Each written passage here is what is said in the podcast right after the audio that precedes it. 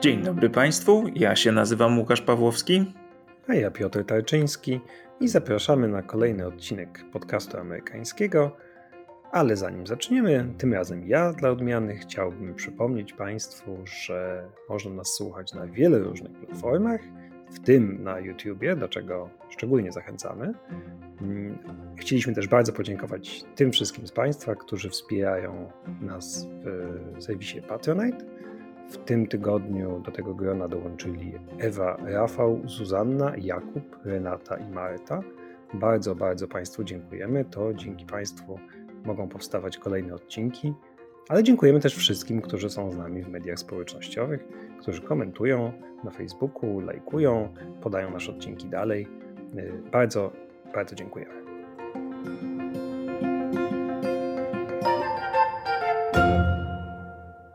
A teraz przechodzimy już do tematu dzisiejszego odcinka, którym jest niestety znowu aborcja. Tak, dzisiaj poniekąd odpowiemy Państwu na pytanie, dlaczego e, głęboko wierzący, e, radykalnie konserwatywni chrześcijanie, ewangelicy w Stanach Zjednoczonych popierali i popierają na mm, kandydaturę kogoś takiego jak Donald Trump na prezydenta, czyli dwukrotnego rozwodnika, samozwańczego playboya. Dlaczego mimo wszystko konserwatyści, głęboko wierzący ludzie e, Trumpa popierali? Jeżeli ktoś do tej pory nie wiedział, to 2 maja e, dostał odpowiedź, bo wtedy właśnie w Politico ukazał się przeciek decyzji Sądu Najwyższego dotyczącej prawa czy legalności konstytucyjnych gwarancji prawa do aborcji. To był pierwszy szkic e, tej decyzji, ale skandal, jaki wywołany został tym przeciekiem, e, no był ogromny. I to nie tylko ze względu na treść, ale także ze względu na fakt, że ten przeciek do mediów trafił. Tak, no i oczywiście w zależności od tego, po której stronie sporu się stoi, zwracało się uwagę albo na to, że doszło do przecieku, który rzeczywiście jest bezprecedensowy, albo na to, co w tej wstępnej wersji wyroku się znalazło. Y, dlatego, że wyrok dotyczyć będzie, ponieważ ma zostać ogłoszony y, pewnie na przełomie czerwca i lipca, sprawy Dobbs kontra Jackson, która na pewno zapisze się w, w annałach Sądu Najwyższego. Mm, i będzie jedną z takich naprawdę najważniejszych decyzji XXI wieku. Y, no i dotyczy de facto zniesienia obowiązującego od pół wieku wyroku Roe kontra Wade mm, z 1973 roku i wyroku Casey kontra planowane rodzicielstwo z roku 1992 i to są dwa wyroki, które gwarantują kobietom w Stanach Zjednoczonych prawo do przerywania ciąży. Jeżeli Państwo więcej na ten temat e, chcą się dowiedzieć, to zapraszamy do odcinka numer 54, gdzie o, tej, o historii tego wyroku i, i tego, o którym e, wspomniał Piotr z roku 92 mówiliśmy więcej, a tutaj tylko takie krótkie przypomnienie, że w roku 73 e, w, sprawie Roe kontra Wade Sąd Najwyższy wyprowadził prawo do przerywania ciąży z 14 poprawki e, do amerykańskiej konstytucji e, i w, w, w wyroku wydanym większością 7 do 2 wówczas Sąd Najwyższy złożony z, wyłącznie z mężczyzn uznał, że kobieta ma prawo do przerwania ciąży w pierwszym trymestrze bez ograniczeń, w drugim trymestrze te ograniczenia mogą być e, przez władze lokalne do pewnego stopnia narzucane, w trzecim te ograniczenia były już rzeczywiście daleko idące i przede wszystkim dotyczyły sytuacji tylko wówczas e, dopuszczane było przerywanie ciąży, gdy zagrożone jest życie matki. W 1992 roku, w tym drugim bardzo ważnym e, wyroku, Sąd Najwyższy, już wówczas e, z pierwszą w historii kobietą w składzie, nominowaną przez Ronalda Reagana Sandrą Day O'Connor, podtrzymał właściwie to orzeczenie, to znaczy podtrzymał istotę e, orzeczenia Roe contra Wade, to znaczy przyznał prawo kobietom do przerywania ciąży jako prawo gwarantowane, czy które można wywieść z praw gwarantowanych w Konstytucji, ale zmieniona została ta e, zasada dotycząca tego, kiedy owo prawo można ograniczać i zamiast podziału ciąży na trymestry wprowadzono kryterium przeżywalności, czyli tym momentem granicznym miało być moment, kiedy płód jest w stanie przeżyć poza łonem matki. Ponadto ważne pojęcie, które tam wprowadzono, mówiące o tym, że władze lokalne nie mogą narzucać nadmiernego ciężaru e, w dostępie do aborcji. No i to już było rozmiękczenie tego wyroku, ale jednocześnie utrzymanie jego istoty. To rozmiękczenie polegało na tym, że Stany nieustannie Stany konserwatywne nieustannie testowały granice tego, co znaczy ów nadmierny ciężar i wprowadzono rozmaite, wprowadzano rozmaite przepisy, które dostęp do przerywania ciąży miały ograniczać lub ograniczać liczbę klinik taką, takie usługi oferujących, czyli można było wprowadzać jakieś przepisy budowlane, które bardzo szczegółowo określały, jak te kliniki mają być zbudowane, gdzie się mogą znajdować, w jakiej odległości od szkół czy innych obiektów użyteczności publicznej. Wprowadzano przepisy nakazujące kobietom na przykład wykonanie USG przed podjęciem decyzji o przerwaniu ciąży i innego rodzaju tego typu przepisy, które były oczywiście, próbowano kwestionować je w sądach, ale takiego jawnego, e, bezpośredniego zakazu e, przerywania ciąży nie wprowadzano, no bo uznawano, że to zostałoby odrzucone przez Sąd Najwyższy, a wszystko zmieniło się w 2020 roku. No nawet wcześniej, ja bym powiedział, że zmieniło się w 2019, kiedy już y, Trump był w Białym Domu, już mianował dwójkę swoich sędziów y, konserwatywnych i wtedy władze z konserwatywnych stanów zaczęły coraz otwarciej kwestionować Roe i wprowadzać takie zwane ustawy y, o biciu, bicia serca, heartbeat bills, które zakazywały aborcji po szóstym tygodniu, czyli bardzo, bardzo wcześnie. I one celowo no, kwestionowały Roe, trochę były wyzwaniem rzuconym temu, temu wyrokowi, w nadziei, że sprawa któraś z nich trafi przed y, Sąd Najwyższy y, i nowi konserwatywni sędziowie wydadzą wreszcie wyrok po myśli mm, konserwatystów, którzy przecież szykowali się na to od 50 lat. No i tak się właśnie stało. To znaczy, jedna z takich ustaw to jest właśnie ta Dobbs kontra Jackson y, z Mississippi, która jest otwartym wyzwaniem rzuconym, rzuconym Roe. Tak, ja powiedziałem 2020, bo wtedy ta większość e, konserwatystów to urosła do przewagi 6 do 3, kiedy na miejsce Ruth Bader Ginsburg e, Trump nominował Annie Coney Barrett. No tak, ale konserwatyści wyczuli pismo nosem i wiedzieli, co się święci, i, i rzeczywiście ten jakby e, nastąpiło pewne wzmożenie, wyraźnie widoczne po 2019.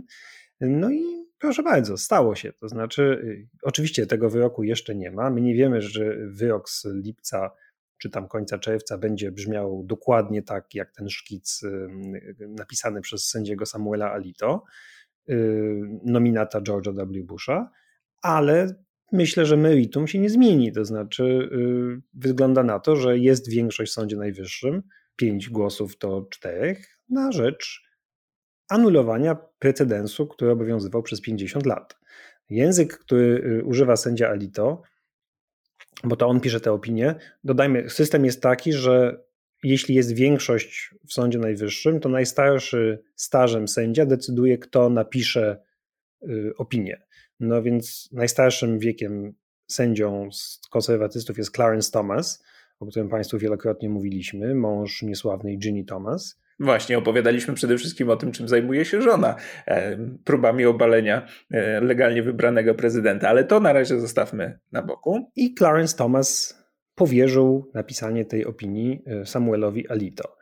Alito jeszcze dodajmy, tylko że Alito z kolei nominowany przez Busha młodszego, tak jak powiedziałeś, ale on zastąpił w Sądzie Najwyższym pierwszą kobietę, o której wspomniałem wcześniej, Sandra Day O'Connor, która z kolei w, w tym wyroku z 92 roku, Casey kontra Planned Parenthood, e, również zagłosowała z tą stroną, powiedzmy, bardziej liberalną, podtrzymującą istotę Roe versus Wade. Natomiast w tej opinii, o której teraz Państwu powiemy, Alito, mamy jasno powiedziane, że Roe kontra Wade, wyrok w tej sprawie był błędny od samego początku i należy go odwrócić. Tak, no to jest bardzo długa opinia. Y, ja ją przejrzałem, nie czytałem oczywiście w całości, y, ale no tam na każdej stronie jest coś ciekawego. Dowiadujemy się z tego, że nie ma konstytucyjnego prawa do przerywania ciąży, o tym, że w konstytucji nie ma niczego na temat aborcji. No co jest oczywiście prawdą, ale w Konstytucji nie ma ani słowa na temat bardzo wielu rzeczy. Nie ma też nic na temat Boga, dodajmy. I cały trik polega na tym, że dziewiąta poprawka mówi, i tu właściwie możemy ją zacytować w całości, że wymienienie w Konstytucji pewnych praw nie może być interpretowane w sposób prowadzący do zaprzeczenia lub ograniczenia innych praw przysługujących obywatelom. Innymi słowy, to, że jakieś prawa są wymienione w Konstytucji, nie znaczy, że nie ma innych praw, które przysługują obywatelom. I w czternastej poprawce też jest o tym mowa. Znaczy, są prawa niewymienione w Konstytucji. Ale zdaniem sędziego Alito, prawo do aborcji nie jest takim prawem, ponieważ nie jest głęboko zakorzenione w historii i tradycji naszego kraju, wręcz przeciwnie, twierdzi Alito, nieprzerwana tradycja zakazu aborcji trwa w prawie zwyczajowym y, brytyjskim, a potem amerykańskim od XIV wieku. Facet powołuje się tam rzeczywiście na rzeczy z XIV wieku i troszkę późniejsze, w tym na opinię jakiegoś wybitnego angielskiego prawnika, który skazywał czarownicę na śmierć. Naprawdę w 2022 roku w opinii Sądu Najwyższego cytowani są prawnicy, którzy skazywali czarownicę na stos. Serio. Nawiasem mówiąc, o tym głębokim zakorzenieniu w historii tradycji, którego zdaniem Alito aborcja nie obejmuje, w wyroku w sprawie Roe sędzia Blackmon, który napisał wtedy y, opinię większości, pisał, że kryminalizowanie aborcji nie jest zakorzenione w tradycji prawa zwyczajowego. Innymi słowy, no, jeden sędzia powie tak, inny sędzia powie inaczej, tak to już jest w prawie zwyczajowym, ale, i tutaj dodajmy wreszcie, istnieje też coś takiego jak precedens i szacunek wobec precedensu. No i Roe obowiązywało od blisko 50 lat i panowała powszechna opinia, że to jest już ustalona kwestia, załatwiona.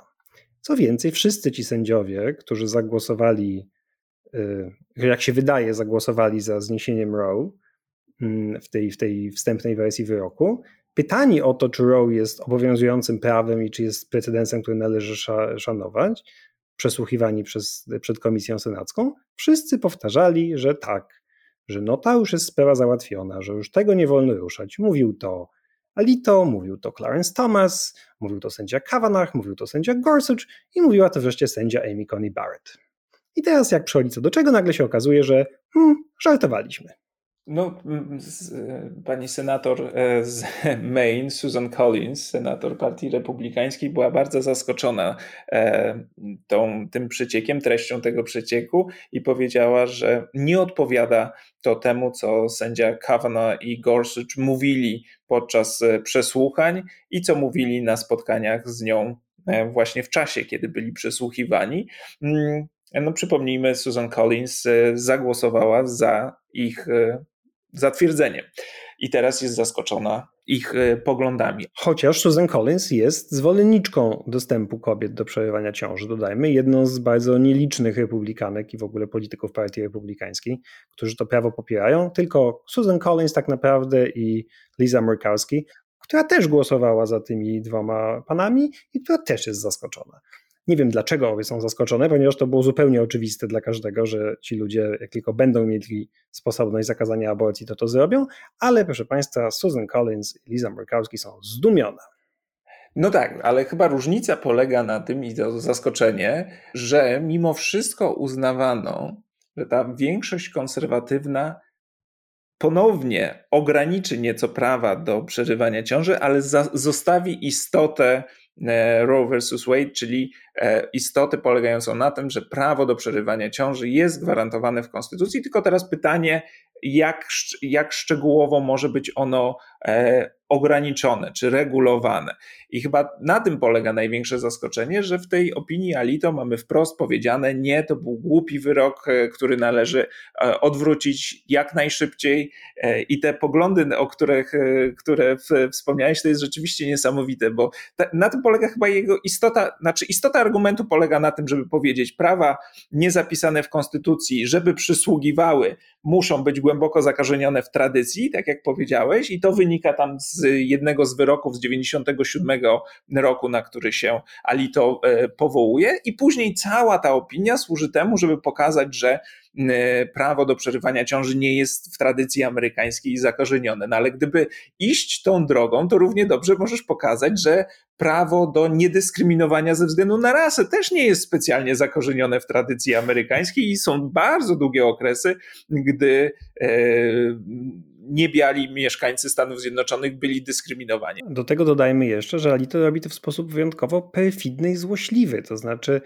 mówi, że o, no tak, szacunek wobec precedensu to jedno, ale przecież mieliśmy w historii bardzo niesprawiedliwe wyroki Sądu Najwyższego, takie jak Plessy kontra Ferguson, y, czy, czy inne wyroki wprowadzające segregację y, ludzi. No i to były złe wyroki. Bardzo dobrze, że je odwróciliśmy. I oto wyrok Roe jest dokładnie takim samym wyrokiem, proszę Państwa, mówi Alito, jak wyroki Sądu Najwyższego, które odmawiały człowieczeństwa czarnym Amerykanom, jak i wyroki, które gwarantowały prawo do segregacji rasowej. I teraz naprawiamy wielką historyczną niesprawiedliwość poniekąd ma rację. To znaczy, rzeczywiście były wyroki Sądu Najwyższego, które odwracały inne wyroki Sądu Najwyższego i które uznajemy za krok przód, czyli na przykład wprowadzenie zakazu segregacji, uznajemy rzeczywiście za krok w stronę postępu i większej równości. Ale tutaj mamy sytuację dokładnie odwrotną. To znaczy,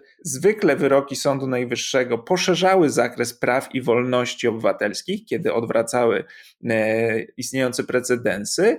Natomiast w tym wypadku mamy sytuację odwrotną, to znaczy sąd będzie ograniczał prawa obywateli, zamiast je poszerzać, chociaż zwolennicy tego wyroku powiedzą, że nic takiego wcale nie ma miejsca, bo sąd wcale niczego nie ogranicza, nie wprowadza żadnych zakazów, a jedyne co mówi to tylko tyle, że prawo do przerywania ciąży nie jest zagwarantowane w Konstytucji, a zatem mogą je regulować poszczególne stany.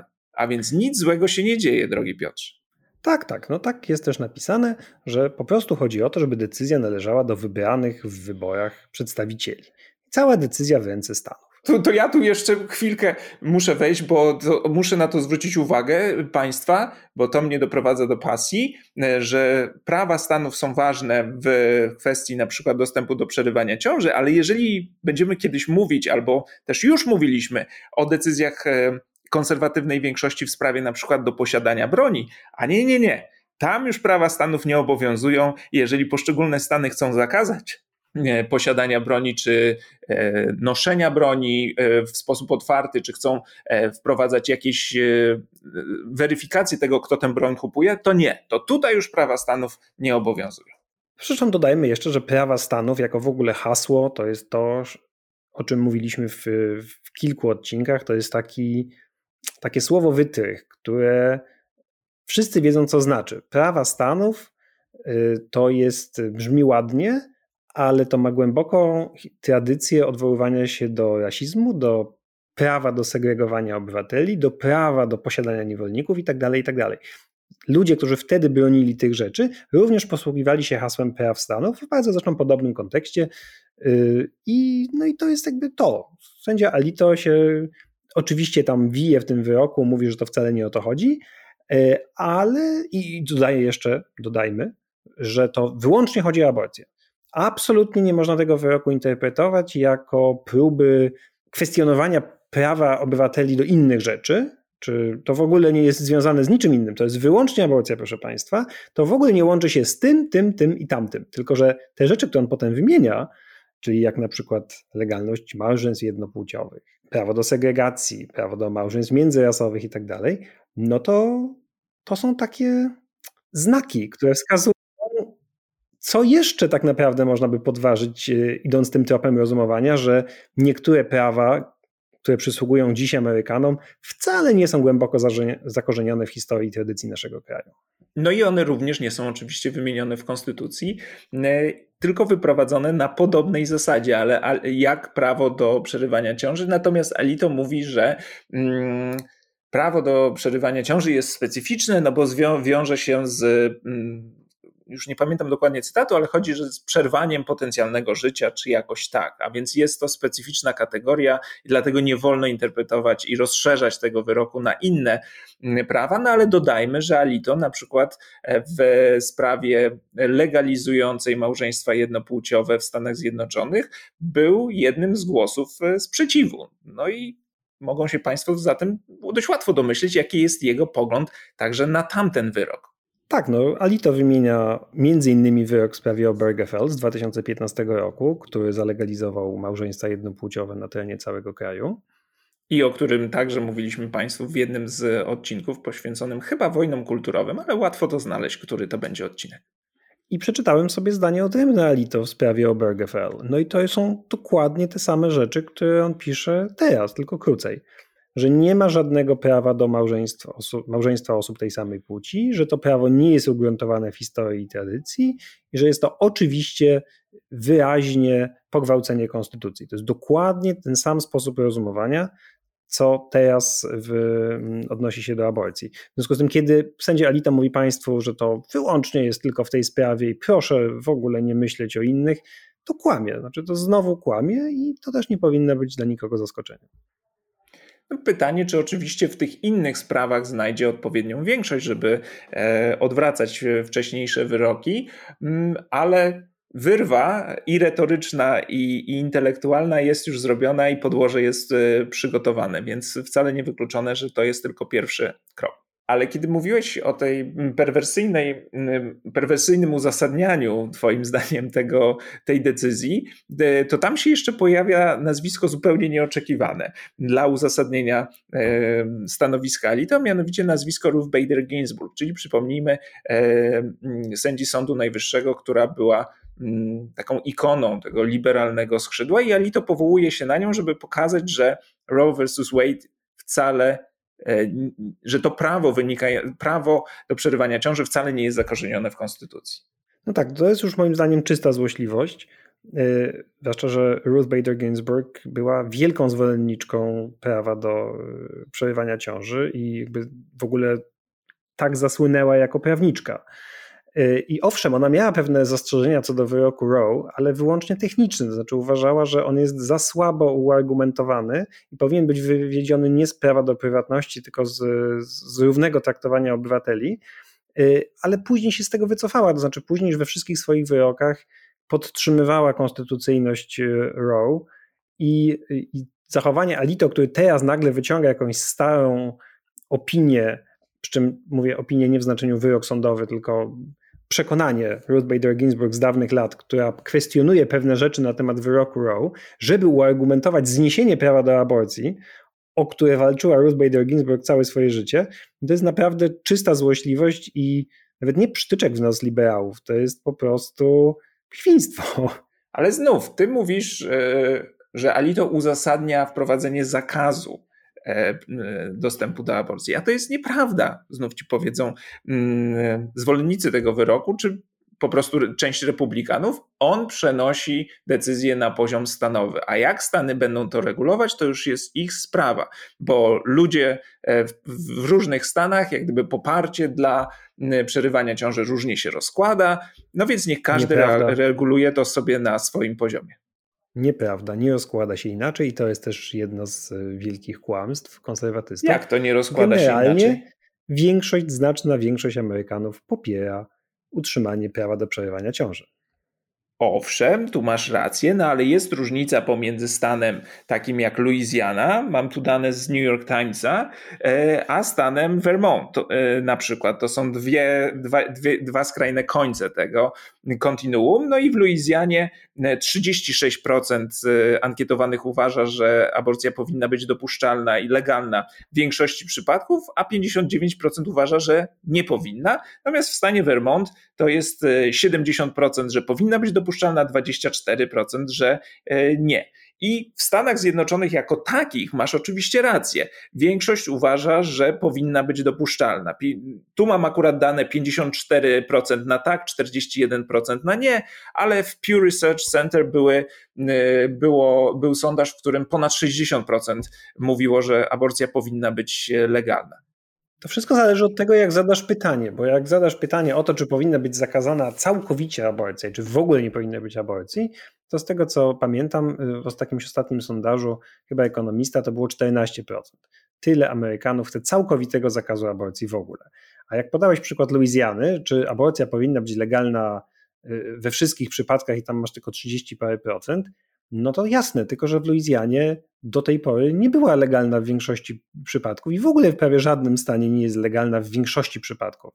Są takie stany, ale zawsze są jakieś ograniczenia, mniejsze lub większe. To też jest kolejna opowieść republikanów o tym, że demokratom zależy na tym, żeby aborcja była legalna do dziewiątego miesiąca po prostu. I republikanie mówią, że demokraci chcą zabijać już noworodki na, w sali operacyjnej i że takie jest y, marzenie demokratów. No i to nie jest prawda.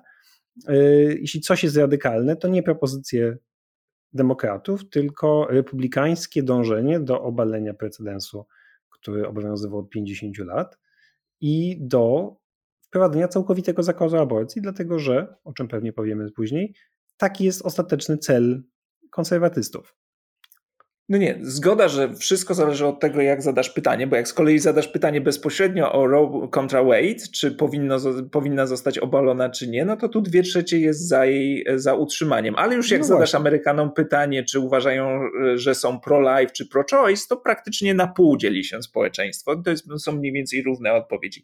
Ale faktycznie, e, pytanie, czy uważasz, że aborcja powinna być głównie legalna, czy, czy w większości przypadków legalna, czy nielegalna, nie jest specjalnie dobre, bo gdyby zacząć wymieniać poszczególne przypadki, mm, takie jak e, przypadek gwałtu czy kazirostwa, to e, prawdopodobnie większość Amerykanów powie, że no w takich wypadkach powinna być dopuszczalna, a prawa już czekające w poszczególnych stanach lub już przegłosowane bardzo często nie uwzględniają takich szczególnych przypadków, tylko po prostu wprowadzają ogólny zakaz, ewentualnie dopuszczając e, przerwanie ciąży wtedy, kiedy zagrożone jest bezpośrednio życie matki.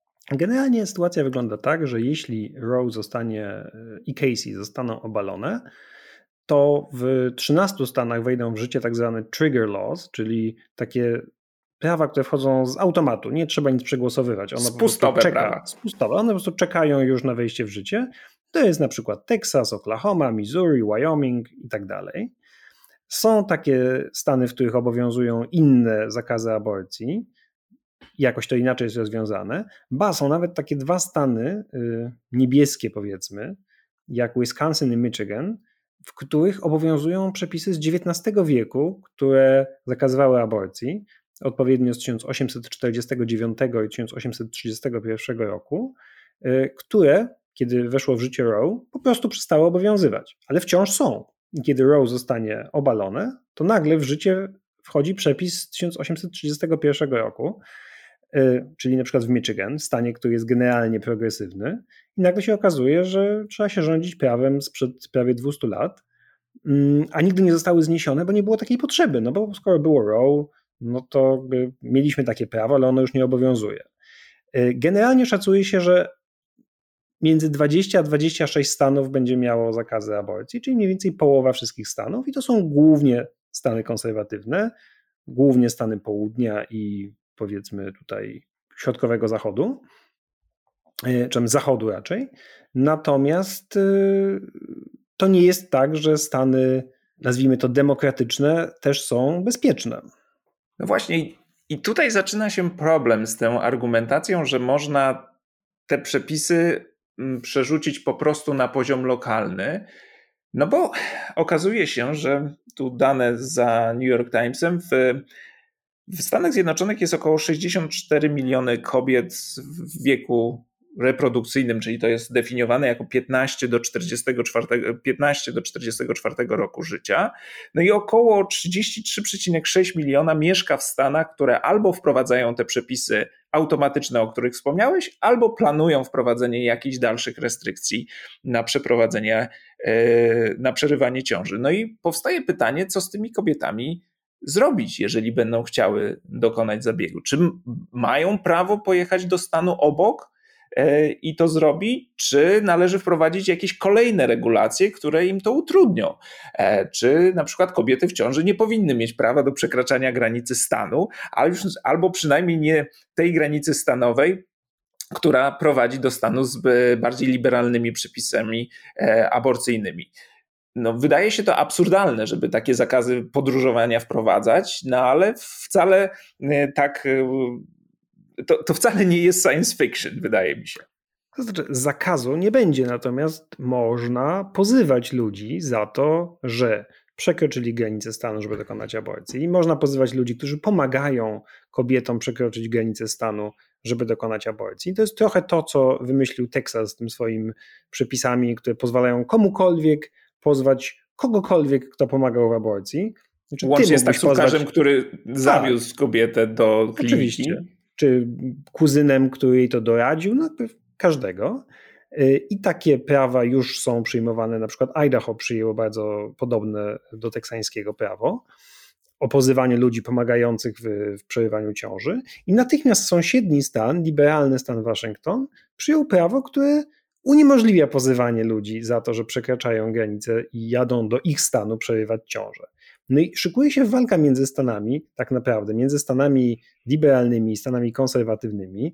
Kalifornia na przykład chce pomagać kobietom, chce wręcz współfinansować e, podróże do Kalifornii ze Stanów konserwatywnych, a Missouri chce pozywać tych, którzy będą w takim procederze pomagać. No i co dalej? To się oczywiście wszystko rozstrzygnie znowu na poziomie sądowym, no bo przecież te sprawy będą się toczyć. Missouri będzie pozywało Kalifornię, Idaho będzie pozywało Teksas.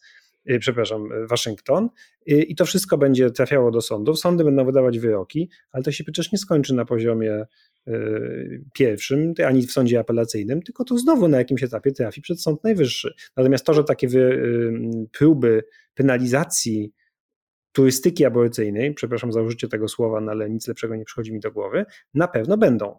Tym bardziej, że w niektórych stanach były już naprawdę radykalne e, propozycje, jeżeli można tak powiedzieć, bo już te, które obowiązują, są dość radykalne, ale w Luizjanie pojawił się pomysł, by mm, aborcję traktować po prostu jak morderstwo i kobiety, które dokonują przerwania ciąży, w ten sam sposób traktować, traktować jak, jak zabójców. No na razie ten pomysł upadł, ale co będzie dalej, e, zobaczymy. E, pojawił się w legislaturze stanowej, na razie upadł. No i chyba warto przy okazji tego tematu powiedzieć w ogóle, kto, mm, kto dokonuje aborcji w Stanach Zjednoczonych e, i jak ta sytuacja zmieniała się na przestrzeni lat. Przede wszystkim trzeba powiedzieć, że liczba aborcji na mm, tysiąc kobiet dokonywanych w Stanach Zjednoczonych bardzo spada. Obecnie to jest mniej więcej 13,5, a było to niemal dwukrotnie więcej jeszcze e, kilkadziesiąt lat temu, więc ta liczba aborcji spada. Problem nie narasta, maleje, jeżeli to jest dla kogoś problem. A typowa Amerykanka, która mm, decyduje się na zabieg przerwania ciąży, to jest kobieta, która ma 25 do 29 lat. Większość e, kobiet e, w, tym przedziale wiekowym się mieści. E, to jest kobieta, która jest już matką. 60% kobiet, które decydują się na przerwanie ciąży, ma co najmniej jedno dziecko, a ponad połowa, a połowa ma dwoje lub więcej dzieci. I wbrew temu, to Piotr o tym wspominał, wbrew tej takiej narracji konserwatywnej, większość aborcji, ogromna większość jest dokonywana na bardzo wczesnym etapie ciąży.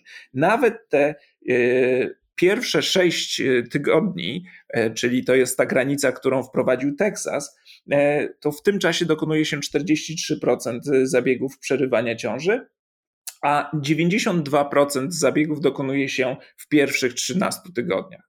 Dodajmy jeszcze, że większość aborcji, bo 54%, y, dokonuje się medycznie. To jest y, metoda tabletki przerywającej ciążę. To nie jest zabieg chirurgiczny. No i to, to, otwierasz jeszcze kolejny element tej dyskusji, no, cały szeroki, mówiący o tym, że wprowadzenie tych zakazów nie zlikwiduje e, aborcji, tylko po prostu zmieni albo formułę, e, formę, w jakiej kobiety próbują przerwać ciążę, narazi je na większe niebezpieczeństwo, bo będą zamawiać z internetu różnego rodzaju pigułki, e, lub po prostu wprowadzi e, ogromną dyskryminację ze względu przede wszystkim na zasobność portfela, bo jeżeli kogoś stać, to pojedzie sobie nawet te kilka stanów, czy poleci, żeby zabiegu dokonać. Natomiast ci, którzy są biedniejsi, mogą mieć e, z tym problem.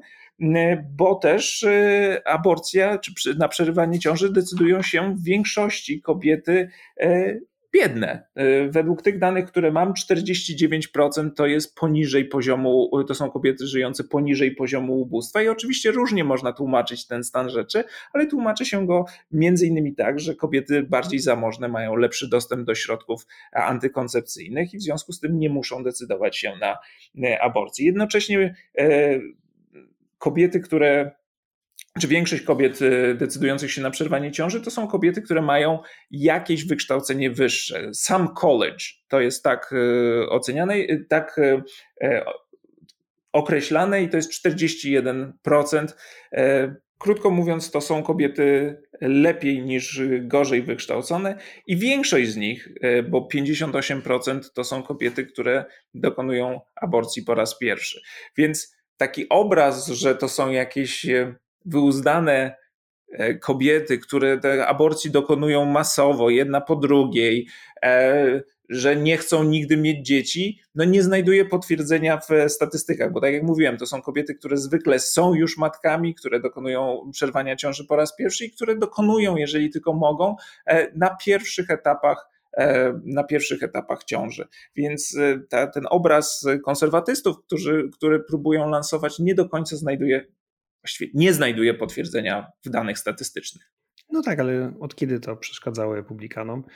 Y, narracja jest znacznie ważniejsza od faktów. A to jeszcze wtrącę tylko jedną y, daną, to w większości są kobiety, które żyją w związkach nieformalnych lub są samotnymi matkami. To chyba także istotne. No dobrze, to skoro powiedzieliśmy już, jakie będą skutki społeczne i jakie też są opinie na temat y, przerywania ciąży, okazuje się, że jakąś formę legalizacji aborcji popiera większość Amerykanów, no to trzeba sobie zadać pytanie, kto się cieszy z tego wyroku, bo też powiedzieliśmy, że niektórzy przyjęli go z, z radością. I kto się cieszy z tego przecieku, bo to też jest y, inna sprawa. Czy ten przeciek bezprecedensowy jest na korzyść demokratów, czy jest na korzyść republikanów, czy to jest pomaga sprawie zwolenników przerywania ciąży, czy przeciwników. Jest kilka teorii i prawdę mówiąc, nie wiem. Myślę, że się kiedyś dowiemy. Mm, obie teorie do mnie przekonują. Zarówno taka, że zrobili to liberałowie w Sądzie Najwyższym, jak i taka, że zrobili to konserwatyści. Argument, y, że to liberałowie jest taki, że chodziło o zaalarmowanie społeczeństwa na temat tego, co się dzieje, y, poruszenie bazy, oburzenie społeczeństwem, żeby zdążyła jakoś zareagować. Ale tutaj pojawia się pytanie, czy rzeczywiście początek maja to jest ten moment, kiedy należy mobilizować demokratów, czy nie lepiej ich mobilizować troszkę później, troszkę bliżej wyborów i czy tak naprawdę szok, jakim byłby ten wyrok w, pod koniec czerwca czy na początku lipca, nie byłby tak naprawdę dla demokratów lepszym bodźcem, bo byłby bardziej wstrząsający, bardziej oburzający i przede wszystkim bliżej terminu samych wyborów. No właśnie, dlatego ta teoria mnie trochę mniej przekonuje, bo e, jak gdyby oburzenie wywołane tym przeciekiem nie, nie, prawdopodobnie nie zmieni samego wyroku. To znaczy, protesty mm, mają ograniczony wpływ na sędziów Sądu Najwyższego. No dobra, to teraz powiedzmy, dlaczego ten przeciek byłby na rękę konserwatystom. No i tu też się pojawia problem, bo to też trochę nie ma sensu. To znaczy, lepiej było poczekać do lipca i wrzucić to trochę z zaskoczenia i udać się na y, wakacje.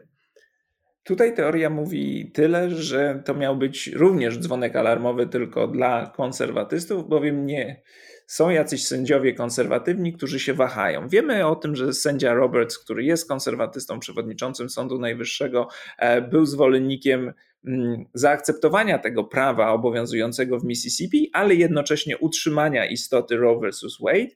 E, no ale to wciąż jest większość 5 do 4 tych radykalnych konserwatystów, natomiast pojawiają się takie przecieki, e, doniesienia mówiące, że niektórzy z tej grupy, z tej piątki także się wahali i tu przede wszystkim sędzia Kavanaugh e, pojawia się jako taka postać, którą ewentualnie można by było przyciągnąć na stronę, mm, na stronę no, trudno powiedzieć liberalną, ale taką stronę mm, zachowującą jakieś resztki Roe versus Wade. I to miałby być e, ostrzeżenie, że teraz jak już wiemy jaki jest wstępny wyrok, to nie próbuj fikać. Taką spotkałem się opinią, ale to też mnie nie przekonuje.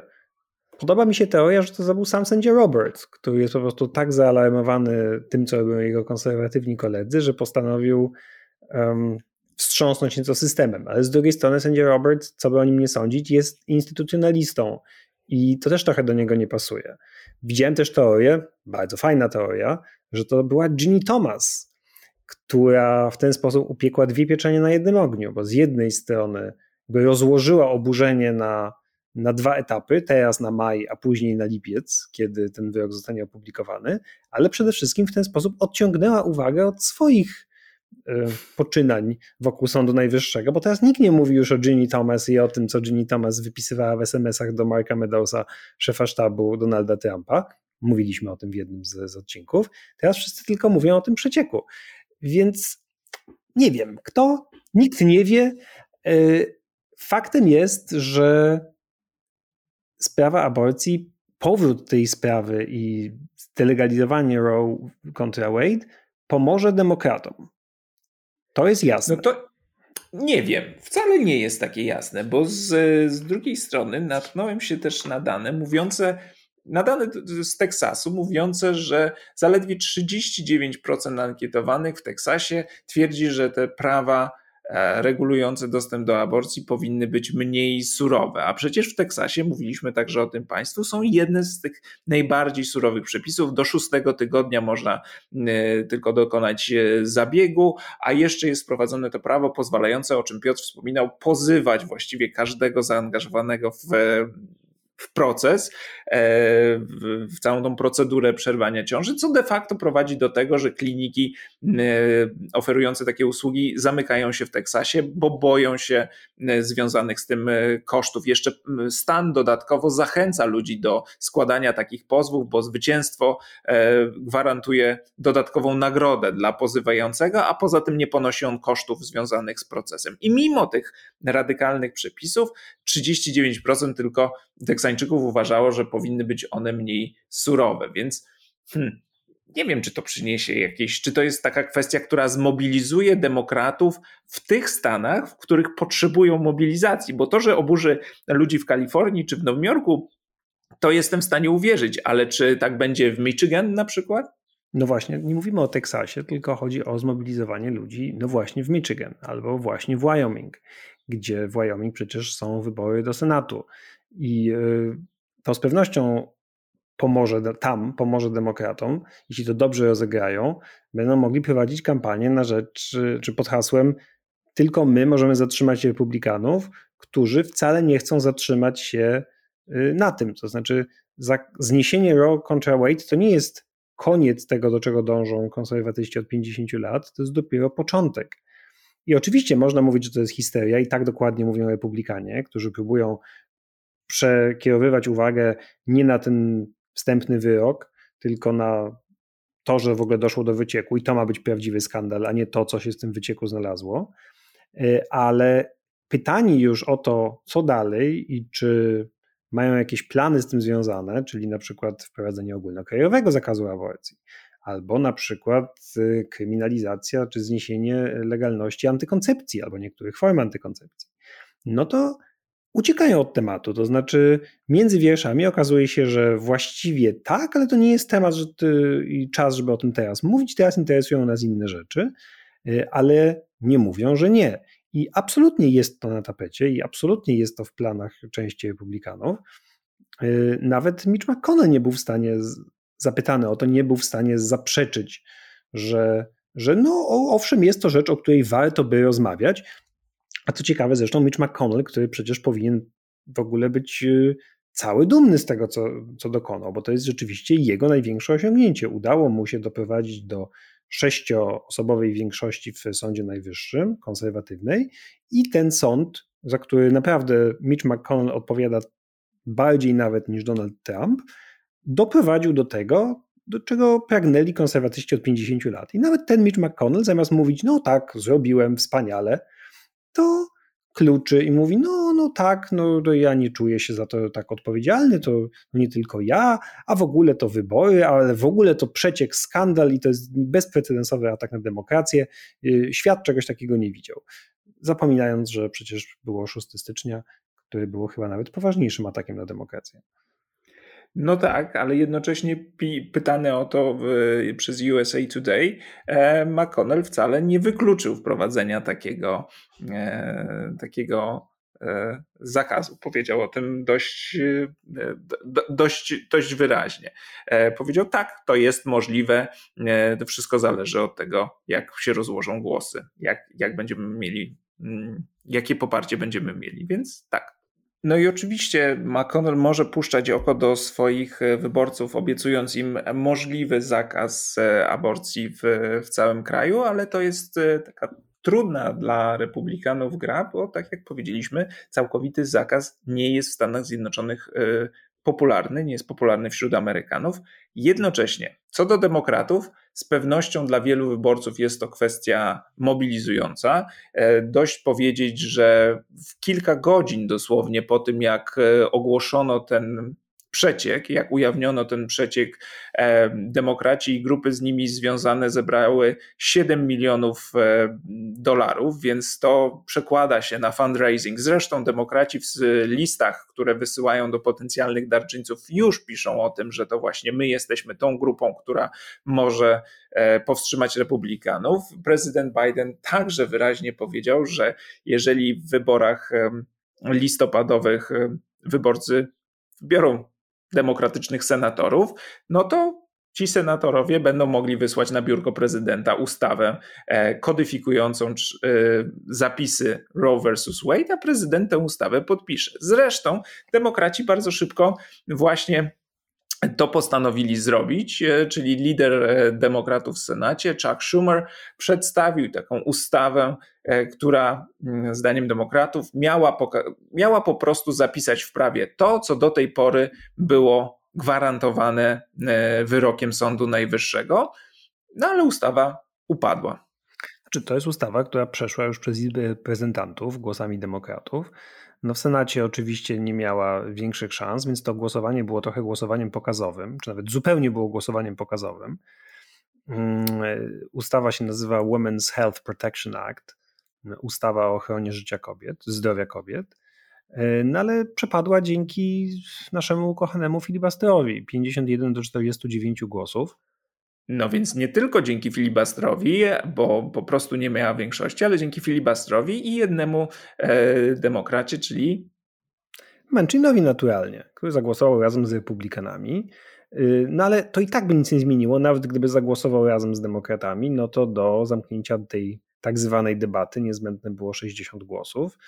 A tych głosów nie było, bo nie ma dziesięciorga republikanów, którzy by to poparli. Nawet y, Collins i Murkowski, tak oddane sprawie praw kobiet, nie zagłosowały za. Rzekomo dlatego, że tam nie było w tej ustawie religijnych wyjątków, a one są w ogóle za ograniczonym rządem. No właśnie widzimy, jak są za ograniczonym rządem, to znaczy na poziomie stanowym nieograniczone zakazywanie aborcji. E, ale zadeklarowały, że byłyby w stanie poprzeć coś bardzo bazowego, taką właśnie bardzo bazową ustawę, która by zakazywała aborcję do momentu przeżywalności płodu i absolutnie nic więcej, a tam w tej ustawie demokratów podobno były takie rzeczy kontrowersyjne, były jakieś kontrowersyjne sformułowania, jakby trochę w wersji retorycznej było to dla nich nie do zaakceptowania, aczkolwiek ten język, z tego co czytałem, został złagodzony i zostały usunięte niektóre kontrowersyjne zapisy, na przykład o tym, że aborcja to jest prawo, które należy też do osób transpłciowych, niebinarnych i tak dalej. Ale to wszystko nie, nie, jakby nie przeszkodziło republikanom powiedzieć, że ta ustawa jest ekstremalna i radykalna, że to byłaby legalizacja aborcji do dziewiątego miesiąca. Znowu bzdura. No i nie przeszło oczywiście i to jest tyleż wina Mancina, co po prostu republikanów. No i tu pojawia się pytanie, czy to, co zrobił Schumer, miało w związku z tym sens. To znaczy, to miało pokazać wyraźny podział republikanie-demokraci. No w tym sensie do jakiegoś stopnia to się udało, bo żaden republikanin za ustawą demokratów nie zagłosował, no ale z drugiej strony republikanie mogą powiedzieć, że demokraci to niebezpieczni radykałowie i panikarze, histerycy, e, no a demokraci mają ten problem, że nawet we własnych szeregach nie mieli e, większości, bo Manchin się z tego głosowania wyłamał. Więc to jest Dobra, pytanie, ale to czy... jeden Manchin, no to jakby to No tak, ale zmieniło. pytanie masz takie, czy to mobilizuje wyborców, bo wyborcy dostają przekaz, głosujcie na demokratów, demokratów, to zapewnimy wam ochronę tych praw, no a później okazuje się, że nawet w ramach partii demokratycznej masz pewne wyjątki. Ale nie I wcale masz jednego gościa, masz ciągle tego samego jednego gościa. Nawet gdyby wszyscy zagłosowali za to się nie da, bo problemem jest filibuster. W związku z tym pod hasłem kampanii powinno być zagwarantujemy prawa kobiet, ale żeby to zrobić, potrzebujemy 51 senatorów gotowych do obalenia filibastru, a nie 60 senatorów do przegłosowania filibastru, no bo to, czy do przegłosowania bez filibastru, bo to jest w ogóle nierealne oczywiście, ale uważam, że to było konieczne, bo w przeciwnym razie lewica powiedziałaby, demokraci nic nie robią, czemu nie przegłosowali tej ustawy? No, nie przegłosowali, ale przynajmniej spróbowali. Znaczy, czasem takie głosowania pokazowe są konieczne, żeby pokazać ludziom, po której stronie się sporu stoi. Zgadzam się, że są konieczne. Nie mam wrażenia, że demokraci mają odpowiednią jedność w tej sprawie.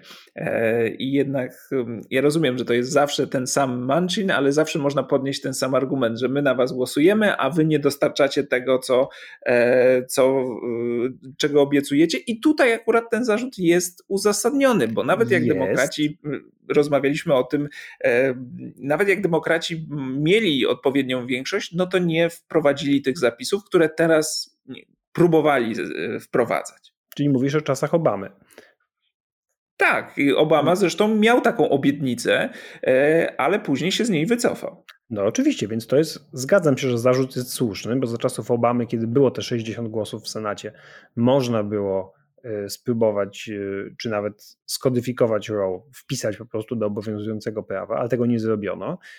No ale to jest bardziej zarzut jednak do demokratów w 2009, i 10 niż do demokratów w 2021, dlatego że no, tego przepisu obecnie nie da się, nawet gdyby Joe Manchin dostał jakiegoś udaru i nagle stał się prawdziwym demokratą, a nie tylko udawanym demokratą. Po prostu nie da się tego zrobić ze względu na, o czym mówimy wielokrotnie, absolutną dysfunkcjonalność i absurdalność tego systemu.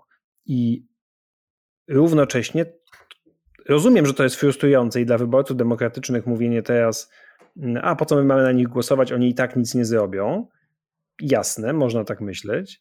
No tylko, że trzeba się zastanowić, kto jest po drugiej stronie i co się stanie, jeśli większość w Senacie będą mieli republikanie pod wodzą McConnella i nie daj Boże w 2024 odbiją, odbiją Biały Dom i wtedy się dopiero zacznie udowadnianie, że istnieje jednak pewna różnica między tym, co mogą robić senatorowie demokratyczni, a co mogą robić senatorowie republikańscy.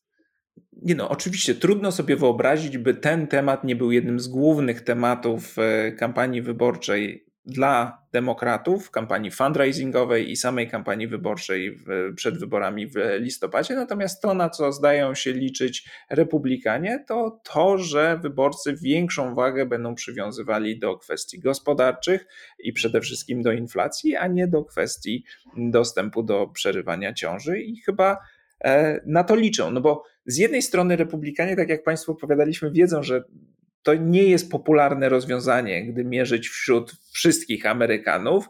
E, ze względu na dysfunkcjonalność i paraliż systemu politycznego spychają takie kontrowersyjne decyzje do sądu, do Sądu Najwyższego. To nie jest zresztą jedyna sprawa, bo kwestie dostępu do broni także są w ten sposób de facto regulowane decyzjami Sądu Najwyższego zdominowanego przez konserwatystów.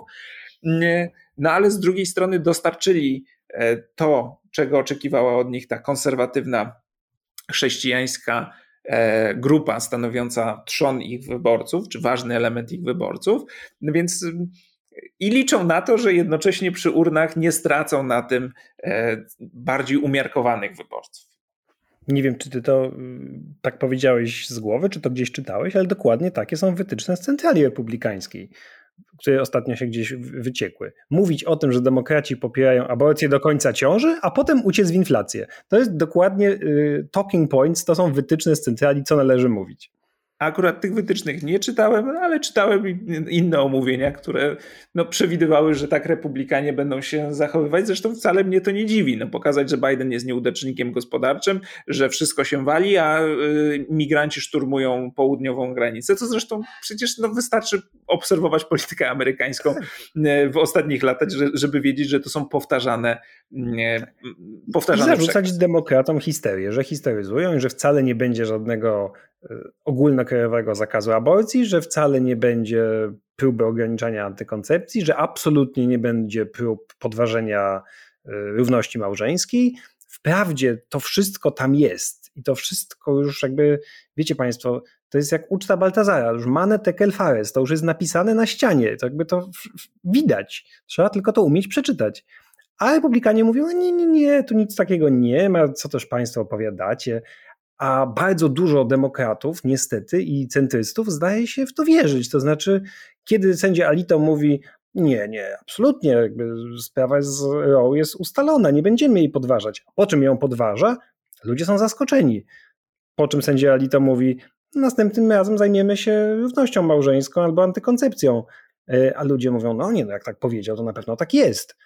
A za pięć lat będą naprawdę bardzo, bardzo zdziwieni. Nie no, pomyliłeś się. On powiedział, że się sprawami antykoncepcji i sprawami równości małżeńskiej absolutnie zajmować nie będą.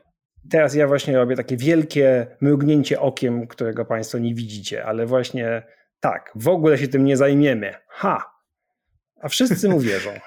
Ale ja jeszcze na jedną rzecz chciałem ponownie zwrócić uwagę, bo wydaje mi się, że to jest też bardzo słaby element tych, y, tych argumentów używanych przez republikanów i przez e, sędziego Alito. To nie kończy sprawy. To znaczy przekonanie, że oddanie tej kwestii na poziom stanowy, nawet jeżeli ktoś się z tym zgadza, doprowadzi do jakiegoś uspokojenia sytuacji czy rozwiązania problemu, no bo każdy będzie decydował tak, jak chce, jest absurdalny. To znaczy, już nawet jeżeli ktoś chce wziąć w nawias e, to, czy kobietom przysługuje prawo do, do przerywania ciąży, nie jest to dla niego problemem i uważa, że można o tym decydować na poziomie lokalnym, to jest naiwny, sądząc, że to zatrzyma jak gdyby problem, bo e, z jednej strony ci, którzy chcą zakazu aborcji mają większe ambicje i chcą jego wprowadzenia na poziomie krajowym, a następnie egzekwowania w sposób, który rzeczywiście doprowadzi do spadku e, liczby legalnych aborcji albo ich całkowitego wyeliminowania. E, no a poza tym pojawią się problemy, te o których wspomnieliśmy, jak regulować różne przepisy na poziomach stanowych, póki nie wprowadzimy e, zakazu na poziomie ogólnokrajowym. Więc tutaj walka w ogóle nie ustaje, ona stanie się tylko jeszcze bardziej intensywna. No widzisz, a sędzia Alito pisze w swojej opinii, że Roe i Casey rozpętały debatę i pogłębiły podziały w kraju i dlatego należy te wyroki anulować właśnie po to, żeby nie było podziałów. Czego nie no to po, Podziały będą jeszcze większe, jeżeli wprowadzimy różnego rodzaju regulacje i u, to jest moja opinia, to znaczy twierdzenie, że takie prawo e, może być regulowane na poziomie mm, lokalnym, no jest absurdalne. No, tak jak wiele innych praw, nie może. Twoje prawo w, tej, w tej kwestii nie może zależeć od tego, czy urodziłeś się w Oklahomie, czy w stanie Waszyngton. No po prostu nie może, bo to będzie doprowadzało do jeszcze większych napięć, tak pomiędzy zwykłymi Amerykanami, jak i pomiędzy Stanami, o czym, o czym rozmawialiśmy. No tak ci się wydaje, ale jako człowiek, który mieszkając w Berlinie y, mam męża, a potem przyjeżdżam do Polski i nie mam męża, a potem znowu wracam do Berlina i znowu mam męża i jestem naprzemiennie w stanie y, związku małżeńskiego. Zwią tak, w stanie związku małżeńskiego i, i singlem jest jak najbardziej możliwe i to jest mniej więcej taka sytuacja. Jakbyś miał regulowane przepisy zupełnie podstawowe, fundamentalne dotyczące praw człowieka regulowane na poziomie lokalnym, to tak będzie między stanami. To znaczy będziesz miał prawo do aborcji w jednym stanie, w innym nie, ale do tego wszystkiego zacznie się całe to ściganie ludzi, którzy próbują skorzystać z tego prawa w innym stanie co będzie też miało skutek dla obywateli tych stanów i przed czym także ostrzegają e, zwolennicy dostępu do aborcji, no bo po prostu liczba potencjalnych klientów w tych stanach, e, gdzie te przepisy nadal będą liberalne, wzrośnie, no co może mieć e, też przełożenie na dostępność do przerywania ciąży dla obywateli,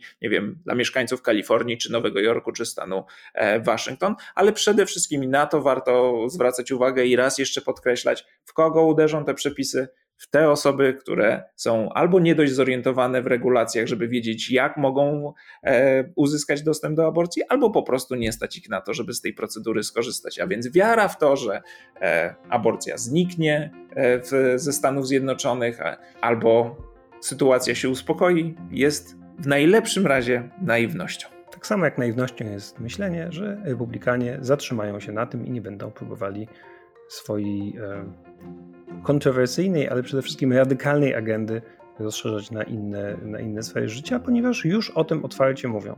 Trzeba tylko słuchać. A na dziś e, dziękujemy serdecznie za to, że byli Państwo z nami i zapraszamy za tydzień. Do usłyszenia. Do usłyszenia.